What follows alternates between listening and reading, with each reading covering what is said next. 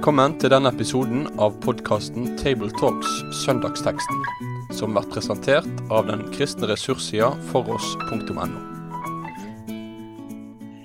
Da ønsker jeg velkommen til denne episoden av Tabletalks Søndagsteksten.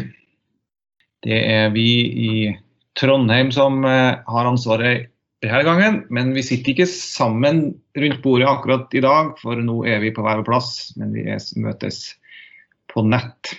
Og vi er fortsatt Endre Stene, som er lærer på Fjellheim bibelskole. Og så er det Lars Olav Gjøra på Gå-ut-senteret i Trondheim.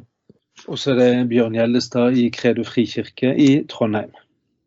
Teksten i dag eh, er også denne gangen en spennende tekst. Eh, og nå er det fra Johannes 9. Eh, vi er i åpenbaringstida, og tekstene i dag eller tekstene denne tida viser oss eh, hvem Jesus er, og det er også denne teksten. Vi leser fra Johannes 9, fra vers 1 til 7, og så er det et stort sprang ned til siste del av det som er prekenteksten, fra vers 35b og til 38. Og Da han gikk videre, så han en mann som var født blind. Hans disipler spurte ham Rabbi, hvem har syndet, han eller hans foreldre siden han ble født blind? Jesus svarte, verken han eller hans foreldre har syndet, men det er skjedd for at Guds gjerninger skulle bli åpenbart på ham. Jeg må gjøre hans gjerning som har sendt meg, så lenge det er dag. Natten kommer da ingen kan arbeide.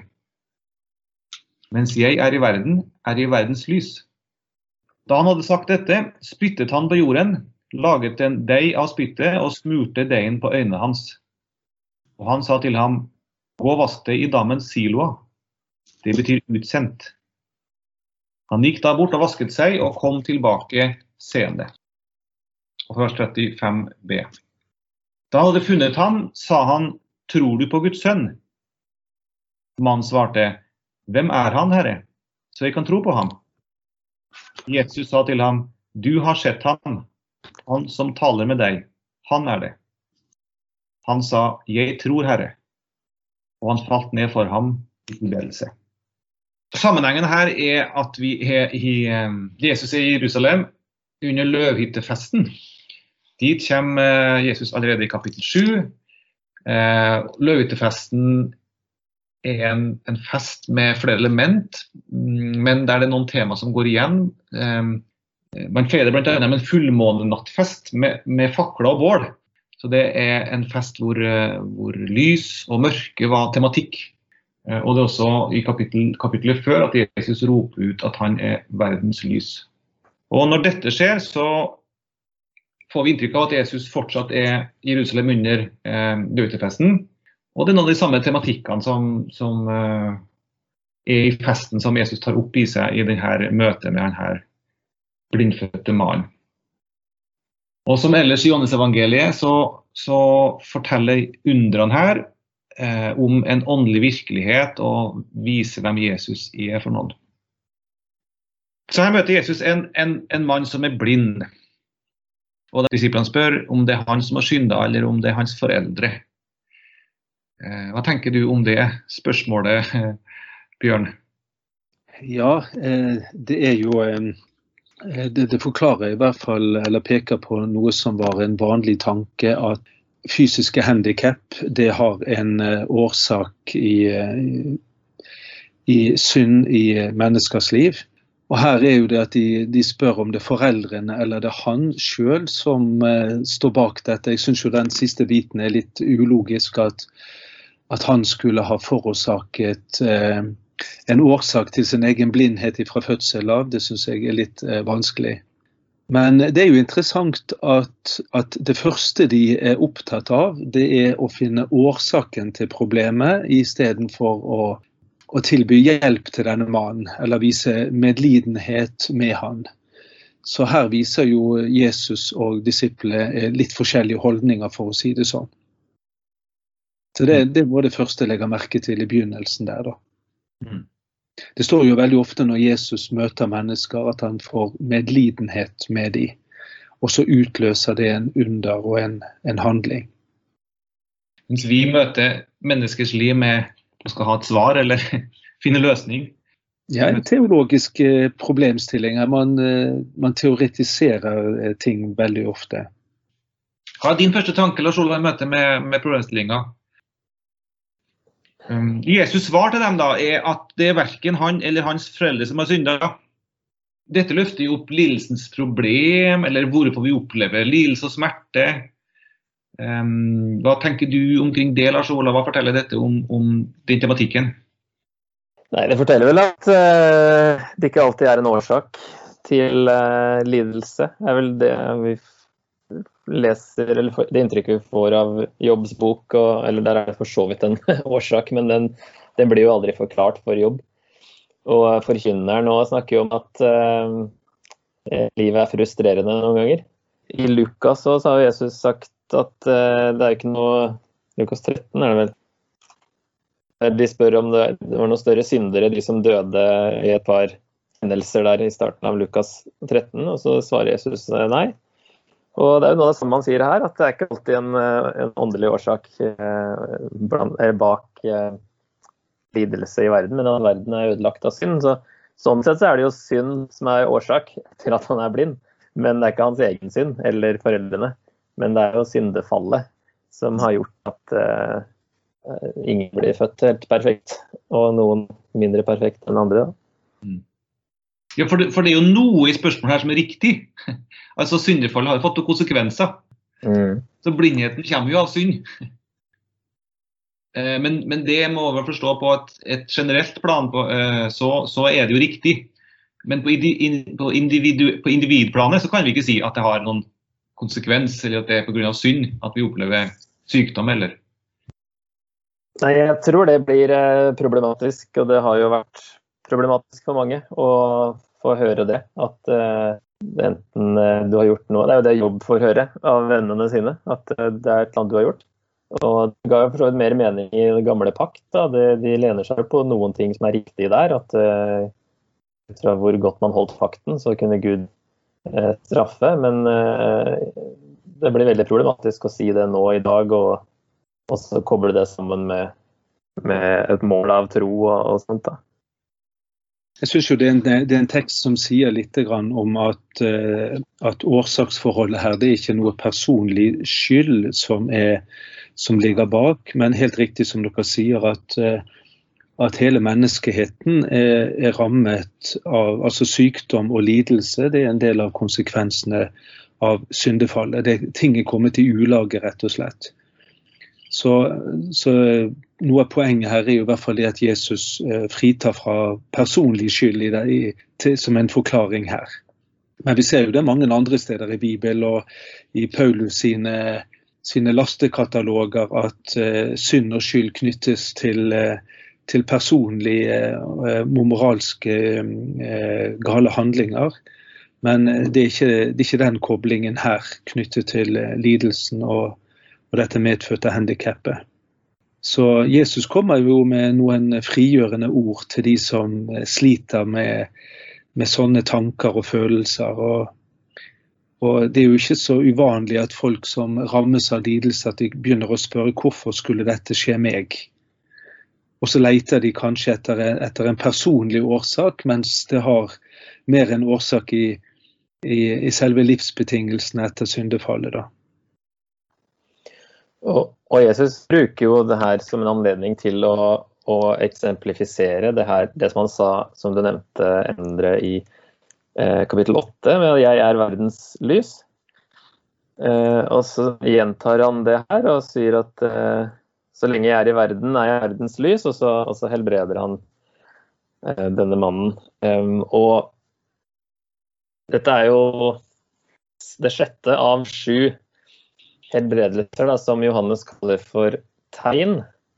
Eh, og som det står i det som er et eh, nøkkelvers i Johannes evangeliet, i kapittel 20, to siste versene da, i kapittel 20, så står det at Jesus gjorde også mange andre tegn for øynene på disiplene. Tegn som det ikke er skrevet om i denne boken. Men disse er skrevet ned for at dere skal tro at Jesus er Messias, Guds sønn, og for at dere ved troen skal ha liv i hans navn. Så de sju som Johannes har tatt med, er jo tegn som skal gjøre at leserne tror at Jesus er Messias, Guds sønn, og har liv i hans navn. Sånn at eh, her blir det da det som du også nevnte i starten, Endre, at eh, han gjør fysiske mirakler eh, for å gi et slags konkret eksempel på den åndelige sannheten som ligger bak. Og han mannen her får jo først fysisk syn, og så den siste delen av, av eh, prekenteksten, da, så får han uh, uttrykt sitt åndelige nå, at han ser eh, at han har tro og har eh, sett hvem Jesus er. Og så er jo hele kapittelet en interessant eh, sånn kontrast mellom eh, den blinde mannen og fariseerne og lederne da, som tror de ser, men som ikke ser hvem Jesus er. Men har, som har fysisk syn, men eh, ikke ser åndelig. Og så har mannen her som ikke vet annet enn at han har blitt helbreda. Eh, vet at han var blind, og nå ser jeg, sier han da i, i avsnittet mellom disse to tekstene vi har sett på. Og så når han treffer Jesus igjen, så får han anledning til å uttrykke troen. Så det er en veldig interessant kontrast gjennom hele kapitlet med dette med blindhet.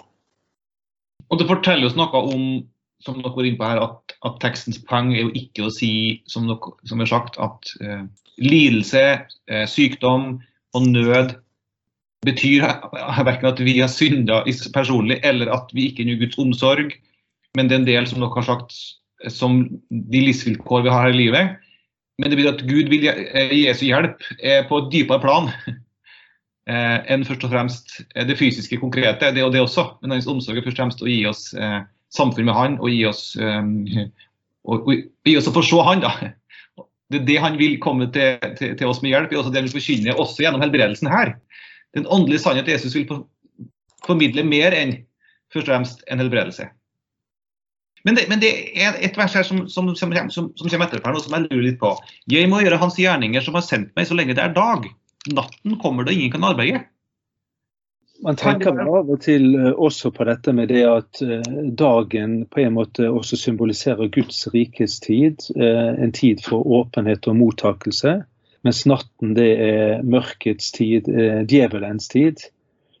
I hvert fall sånn tenker jeg det litt inn, inn i dette. Og eh, denne mannen her, han det ene biten er jo det som, som, det nettopp er sagt nå, at han får det, det fysiske synet tilbake. Men det, det, andre som er enda viktigere, det er det at han får et, det åndelige synet på plass. Han får, eh, han får se hvem Jesus er.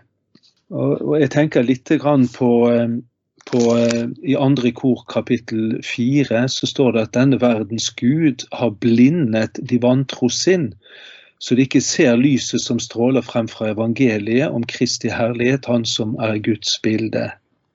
Og så har du det også I, i 1. Peters brev så står det dette at vi har gått over fra mørket til Hans underfulle lys. Så eh, det er Jeg ser for meg også at det er noe der med, med mørket som representerer eh, Satan, og lyset som representerer Guds rike i hvert fall ligger det litt i bakhodet mitt når jeg, når jeg hører denne teksten. Jeg leste en plass hvor, hvor man sier at um, natten her representerer Jesu, Jesu død. Uh, og så er dagen Den hellige ånd så virker når Helligånden kommer, blir utgitt. Og Der er det et rom hvor, hvor Jesus ikke er her, uh, men så kommer Den hellige ånd. Og så kommer dagen igjen, da vi kan arbeide. Det er også en måte å forstå det på. Og så helbreder Jesus. Han gjør det på en sånn, en sånn um, Hvorfor gjør han det på den måten her, og hva ligger det i det her?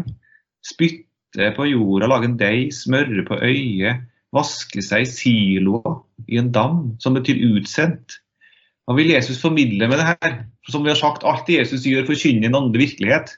Hvilken åndelig virkelighet er det Jesus prøver å formidle med dette? Det var visst en eh, ganske vanlig praksis eh, det her da, å, å gjøre det på, også blant i hedenske uh, kretser. Uh, men jeg tenker vel at det er litt At han mannen må ha tro på at det her virker. Han blir ikke helbreda der og da, men han må gå og vaske seg. ringer jo bjeller til han herre Naman i kongebøkene, som måtte vasse seg i elva, som først ikke så poenget, og så ble han overtalt til å gjøre det. Um, og så er det dette med Siloadammen nå spilte jo en rolle i løvetefesten. At de gikk og henta vann derfra og gikk en sånn prosesjon tilbake til tempelet og helte det ut ved alteret. Så det er jo inni hele symbolikken i løvetefesten også at han eh, blir sendt dit. Men jeg tenker kanskje først og fremst at han må Han viser tro ved å gå og gjøre det, da.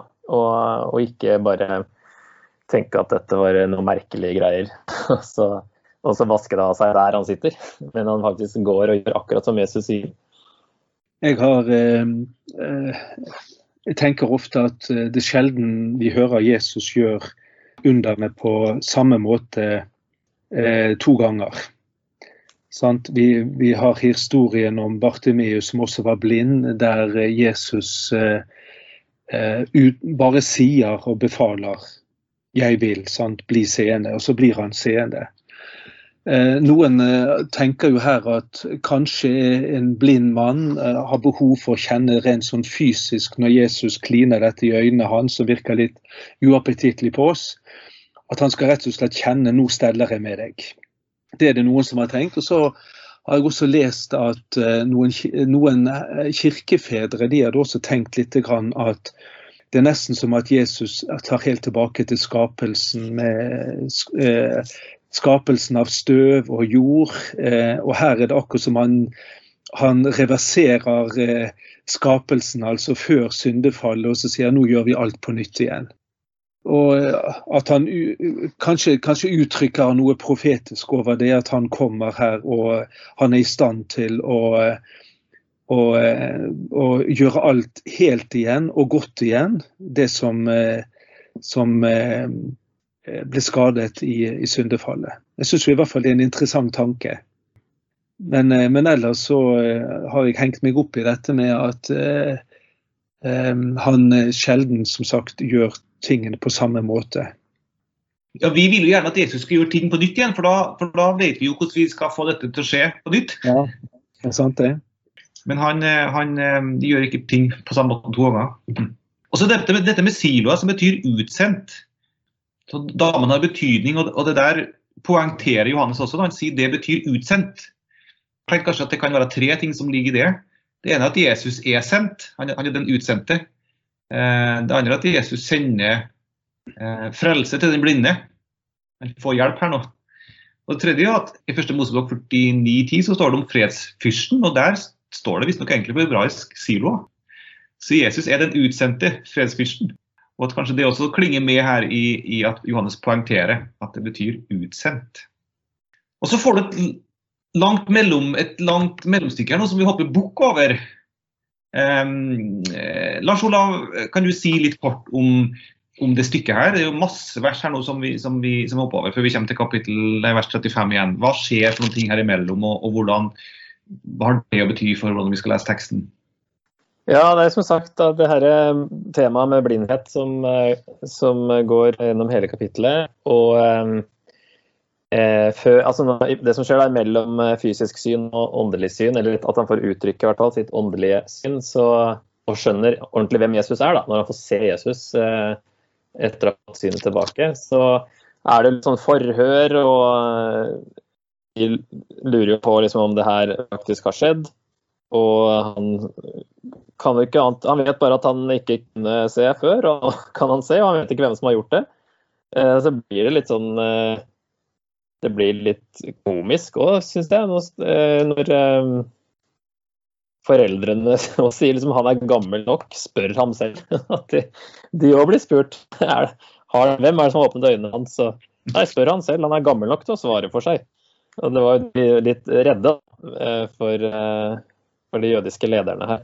Men det er liksom veldig Han blir jo et slags vitne, han, og det er jo et tema som går gjennom hele brevet, nei, hele evangeliet. At uh, mange som vitner om Jesus. og Her er han en av de menneskene som vitner om Jesus uten å ha sett hvem han er, faktisk. Men han, han vet at han er en profet, sier han også i vers 17. Hva mener du om ham, siden han har åpnet øynene dine? Han svarte han er en profet. Og hvordan kan et syndig menneske gjøre slike tegn som han rett før? Så han har skjønt bare det at han ble, fikk synet tilbake av Jesus, så har han skjønt eh, hvem han er. Selv om han ikke har sett han eh, fysisk. Og så er det de andre her som eh, har sterk tvil og motstand mot, mot Jesus i utgangspunktet, da, og som ikke kan tro at dette Eller som lurer på hvem han er som har gjort det. Um, det har gjort det på en sabbat, da. Det er vel kanskje det som er uh, et problem. Jeg opplever at, uh, at, det mellomstykket her, det egentlig treffer uh, det moderne mennesket midt i magen. altså. For det at mm. det, det viser litt om vår måte å møte under og tegn på. Vi rasjonaliserer det helt bort. Og Det er egentlig det de gjør her. sant? Altså, Det kan skje under rett foran øynene på dem, men de prøver å finne en bortforklaring. Eh, de vil rett og slett ikke godta det. Og Det tenker jeg det er en veldig moderne holdning. Eh, vi mener at alt har en forklaring. Det har en logisk forklaring, det har en vitenskapelig forklaring. Eh, og vi vil på en måte ikke slå helt til ro med at det kan skje noe som ikke kan forklares. Og Her ser vi det at de, de leter jo febrilsk etter å finne logiske forklaringer. Sant? De går først til mannen, og så går de til foreldrene. Og selv om de får bekreftelse fra begge hold, og selv om de ser at han har fått øynene åpne, så begynner de da å betvile at han virkelig har vært blind. De kan ikke godta, kan ikke godta at under har skjedd. Og, og jeg tenker at det er det er jo noe av det av troens vesen som handler om nettopp å godta det Gud sier, eh, og det uforklarlige. Men også å, å tenke litt rasjonelt. For det at de legger jo ikke sammen to og to. Sant? Mm. Altså hvis han, eh, hvis, han, virkelig er blitt helbredet, så står de foran en mann som kan gjøre noe som ingen av de kan gjøre. Men den slutningen greier ikke du å trekke. Så de er rett og slett veldig ulogiske i sin eh, tenkning. De er, eh, de forutinntatte. De underet kan per definisjon ikke skje. Ja, Først har vi problemet at han har gjort det på sabbaten, og da kan han ikke være fra Gud. Det er liksom ja, første konklusjon. Og så ville de ikke tro at han hadde vært blind. Og da er det ikke noe problem hvis han ikke har blitt helbreda på sabbaten. Så det henger jo ikke sammen. Og så er det litt tilbake igjen ja, Hva gjorde han deg? Hvordan, hva gjorde han med deg? Hvordan åpnet han øynene dine? Da er det litt tilbake igjen på det, liksom det første. Så det, det, når han sier da Jeg har, har, jo allerede sagt det, og dere ville ikke høre på meg. Hvorfor vil dere høre det nå igjen? Så han begynner å bli litt smålei eller oppgitt, han her blinde. At uh, de, de, de, spør og spør og spør og prøver å finne uh, en annen forklaring, eller i hvert fall, i hvert fall ikke eh, tro at Jesus er den han sier han er. Eh, så til og med han blir mann her, bare herlighet. Hva er det dere holder på med? jeg syns jo, jo, teksten er helt riktig det du sier. og jeg synes jo teksten sier litt om at uh, altså et, På den ene siden så sier det at et vitnesbyrd det er veldig vanskelig å, å bortforklare. altså denne mannen han hadde sitt på, på det tørre. Han, han, bare fortalte om det han hadde sett og hørt. sant? Eh, jeg vet ikke, jeg, kan ikke forklare alt, men det er dette som er min historie. Og så sier det samtidig at, at også vitnesbyrdet, eh, selv hvor sterkt det kan være, og godt og sant og riktig det kan være, det, ikke, det blir ikke alltid tatt imot. Eh, og det er på en måte av noe av den blindheten som jeg tenker ligger under hele historien. At Guds under kan skje like for øynene for, for oss, men vi, vi, tror det ikke likevel. Sant at Når mennesker sier i dag ja, hadde vi opplevd dette, så hadde det vært mye enklere å tro. Det tror jeg faktisk ikke er tilfellet. Hadde Jesu oppstandelse skjedd i dag, så ville, ville kanskje to tredjedeler ha funnet en bortforklaring eller en annen årsak på det. Så troens kår den har like trange kår i vår tid som den hadde på Jesu tid. Eh, de prøvde å finne rasjonelle forklaringer, og selv om underet de kunne ta på underet, de kunne ha det rett foran øynene, så, så ville ikke de godta det. Og det, det, er litt av syndens karakter, tenker jeg, som sitter i våre øyne. Ja, og, og så Denne mannen har jo ikke sett Jesus, for han blir jo sendt ifra Jesus blind. Ja. Så han hvordan Jesus ser ut. Eh, og så han blir kasta til synagogen, står det da i vers, eh, i vers eh, 35. da, han av synagogen. Og så står det at Jesus leiter opp han her mannen.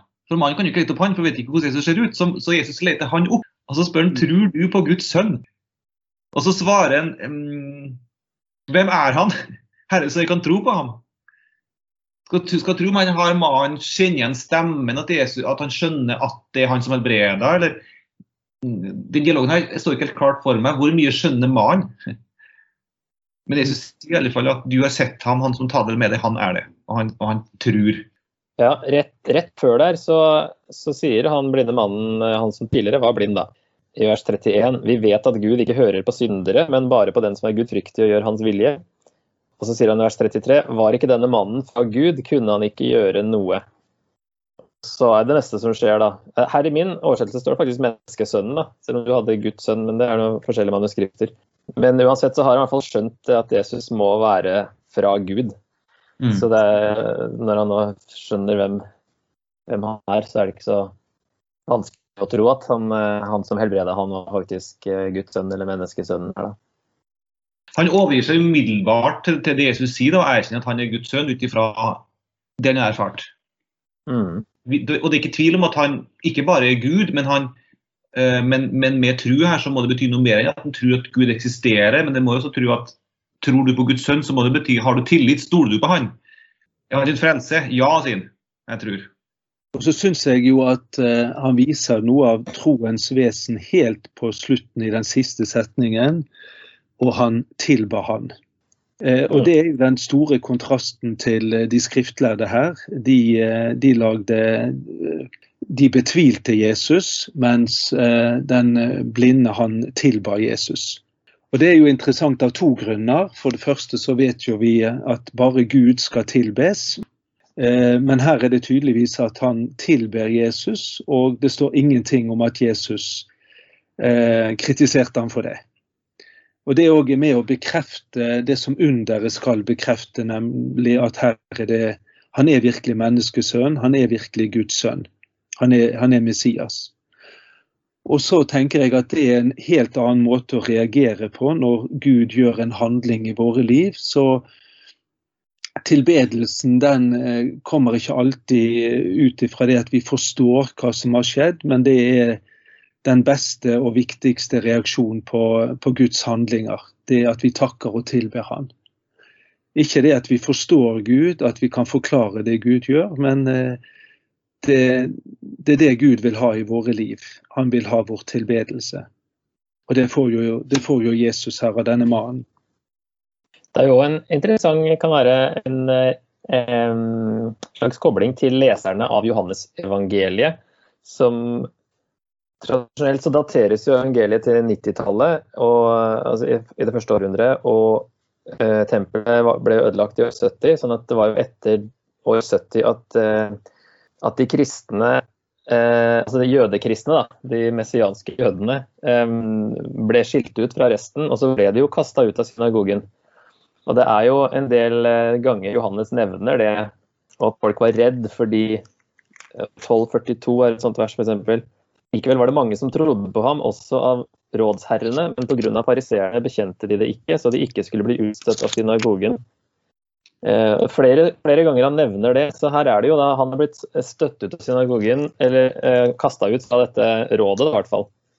Og så eh, kan vel leserne òg sitte og, og føle på det, ja, at eh, de har blitt kasta ut og blir en sånn uh, uglesett eh, gjeng. Eh, som da kanskje da kan bli oppmuntra av den historien med at Og så har de kanskje ikke heller sett Jesus med fysiske øyne, hvis det er så sent da som år 90.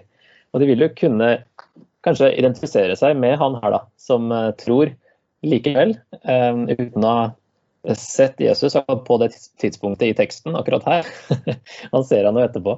Men, eh, men det at man kan tro, og salig den som tror uten å ha sett, og at man Ja, de kunne i hvert fall identifisere seg, tenker jeg, med han som står imot alle andre her, og bare vitner, er et vitne for eh, Jesus som han tror på uten å ha sett. Og så får han å se han til slutt, og det får jo vi òg en vakker dag. Men, eh, men, nå har jo de fleste ikke sett Jesus med fysiske øyne, men vi tror likevel. Ja, Det er godt å identifisere seg med for oss. Ja. som ikke kan se han fysisk med øynene, men som uh, kan få erfare det som han opplever, nemlig at Jesus åpner opp øynene så han kan si 'jeg tror, Herre'. Og det samme gjør Gud i vårt liv. Når han åpner opp ved sin ånd, uh, åpner opp vårt hjerte så vi kan tro på han uten å se. Og Paulus skriver jo også så sterkt at vi, vi elsker han ennå vi ikke ser han. Han oppnår Peter sett den, da, men han skriver til, sine, til dem sine tilhørere at vi kan elske han og vente på han uten at vi har fysisk sett. For Den hellige ånd har, lagt, har åpna opp våre øyne og, og latt oss få lyst opp i vårt mørke. Jesus sier jo her også 'jeg er verdens lys'. Derfor er han også vårt lys, og vi trenger han for å, for få se han. Jesus sier vel også det salige de som tror uten å se. Han sier det vel til, eh, til Thomas. Og så har du eh, i Korinterbrevet vi lever i tro uten å se. Så der er jo noe av den tanken der.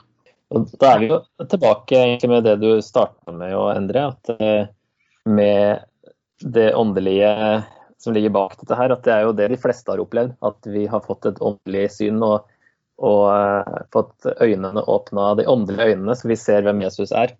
Uh, uten at alle har blitt helbreda på en sånn måte som han her blir. da. Så det er godt at denne teksten kan, kan uh, si oss noen ting, selv om vi verken er blind eller ikke oppleve noen helbredelsesunder, men at teksten kan forkynne oss noe om at den, den her gjelder oss alle. For vi er alle åndelig blinde, og vi trenger alle eh, Den hellige ånds lys i vårt hjerte til å tro og til å falle ned i tilbedelse for ham. Så med det tror jeg vi, vi runder av eh, denne samtalen. Og så eh, ber vi en kort bønn til slutt. Kjære Herre Jesus Kristus, takk for at du er verdens lys. Takk for at du eh, vil lyse opp i mitt mørke og i alle oss som hører sitt mørke. Takk Hellige Ånd for at du har kommet for å Åpne opp øynene våre for å se Jesus. Herre, kom Hellige Ånd over oss, over oss folk og inn i vårt liv, og gi oss øyne til å se, Herre. Amen. Med det sier vi takk for følget for denne gang. Finn flere ressurser, og vær gjerne med å støtte oss på foross.no.